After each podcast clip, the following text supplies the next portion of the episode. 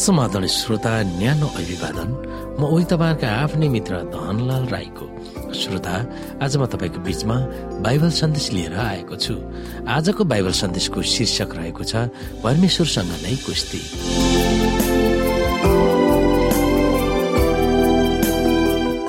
श्रोता साथी लाभानसँग बल्ल तल्ल छुटिएपछि याकुब परमेश्वरसँग कुस्ती खेल्न पुग्छन्। चार सय मानिसहरूको जमातसँगै उनको दाजु एसाप आउँदैछन् भन्ने खबर सुन्दा उनको त सातो पुत्ला नै उडेको थियो। आफ्नो सर्वस्व नाश हुने देखेर याकुब निरीह भएर परमेश्वरसँग रोइ कराई प्रार्थना गर्न पुग्छन्। आफ्नो खराब आचरणले आफू बाँच्न योग्य नभएको भनेर ठान्दै परमेश्वरको सामु स्वीकार्दै आफ्नो र परिवारको बचावको निम्ति यसरी बिन्ती भाव गर्छन्। तब याकुबले प्रार्थना गरे हे मेरा पिता अब्राहमका परमेश्वर र मेरा बाबु इसाकका परमेश्वर हे परमप्रभु जसले मलाई तिमी तिम्रै देशमा तिम्रा कुटुम्बहरूसँग जाऊ र तिम्रो भलाइ गर्नेछु भन्नुभएको थियो। तपाईँले आफ्नो दासलाई जति करुणा र विश्वास योग्यता देखाउनु भएको छ त्यसको म कति पनि योग्य छैन किनभने एउटा लाठो मात्र लिएर मैले हेर्दन नदी तरेको थिएँ। तर अहिले मेरा दुईवटा दल भएका छन्। म बिन्ती गर्दछु मलाई मेरा दाजु सापको हातबाट बचाउनुहोस्। किनकि उनीसँग मलाई डर लाग्छ कि उनले आमा छोरा छोरीहरू समेत हामी जम्मैलाई आक्रमण गर्ला। तर तपाईँले भन्नुभएको छ साँच्ची नै म तिम्रो भलाइ गर्नेछु र तिम्रा सन्तानहरू समुद्रका बालुवा सर तुल्याउनेछु जो गर्न सकिने छैन। अब आएर परमेश्वरको अनुग्रह के हो उनले साँचो रूपमा बुझ्दछ। याकुबको प्रार्थनालाई परमेश्वरले कसरी जवाफ दिनुभयो? हामी यहाँ हेरौँ उत्पत्तिको पुस्तक बत्तीस अध्यायमा। यस अचम्मको कथामा हामीले के आध्यात्मिक वा आत्मिक ज्ञान पाउँछौँ? यहाँ बाइसदेखि हेरौँ त्यस रात याकुब उठेर तिनका दुई पत्नी दुई कमारी र एघारै छोराहरूलाई लिएर एब्बोक नदी तरे।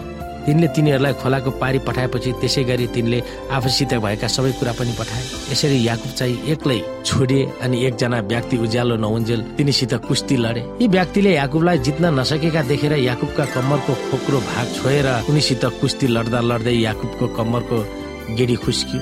तब ती व्यक्तिले भने उज्यालो हुन लाग्यो मलाई जान दियो तर याकुबले भने मलाई आशीर्वाद नदिउन्जेल म तपाईँलाई जान दिनु उनले तिनलाई भने तिम्रो नाउँ के हो? तिनले भने याकुब। त्यस व्यक्तिले भने अब प्रान्त तिम्रो नाम याकुब होइन तर इजरायल हुनेछ किनभने तिमीले परमेश्वर र मानिसहरूसँग लडन्त गर्यो अनि विजय भयो।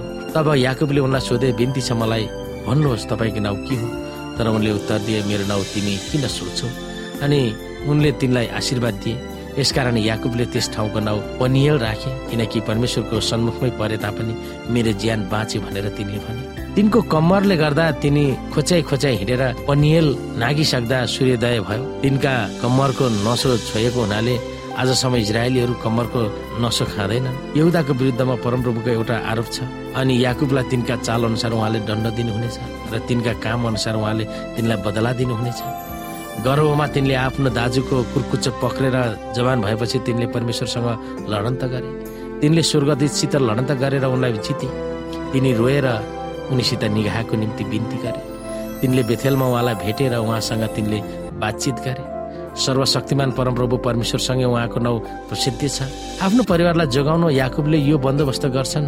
तिनी त्यस रात त्यही बास बसेर आफूसँग भएको सम्पत्तिबाट तिनले दाजु हिसाबको निम्ति सौगात छुट्याए।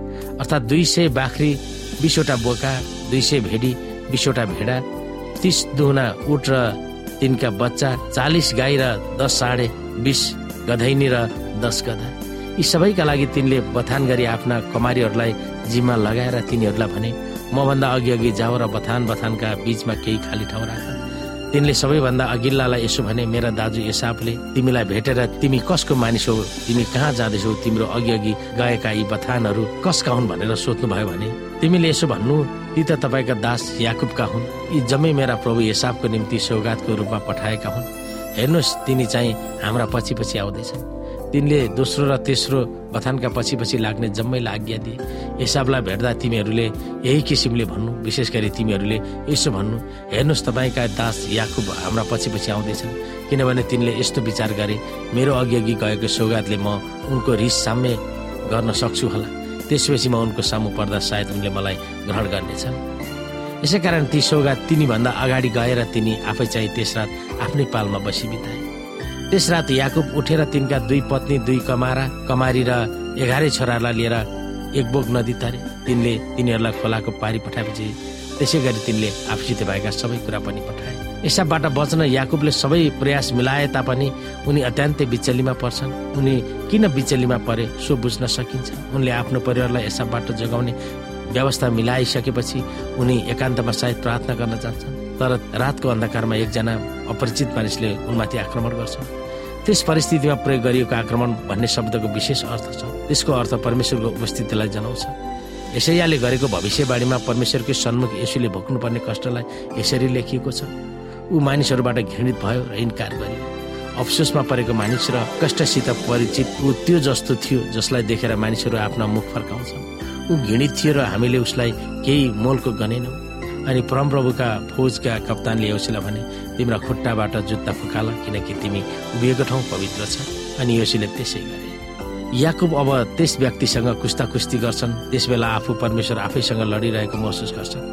बिहानी पख त्यस व्यक्ति याकुबबाट फुत्किन खोज्छन्। तब आफू कोसँग कुस्ती खेलिरहेको सो थाहा पाएर उनलाई पछाडि राखेर कबुल गर्न लगाउँछन्। जब जबसम्म तपाईँले मलाई आशिष दिनुहुन्न तबसम्म म तपाईँलाई जान दिन्छु परमेश्वरलाई बलियोसँग समातिरहेको र उहाँलाई जान नदिएको परिवेशले यो बताउँदछ कि प्रभुबाट क्षमा पाउन उनले प्रबल इच्छा गरेको र प्रभुसँग ठिक सम्बन्ध राख्न चाहेको प्रकट गरेको थियो।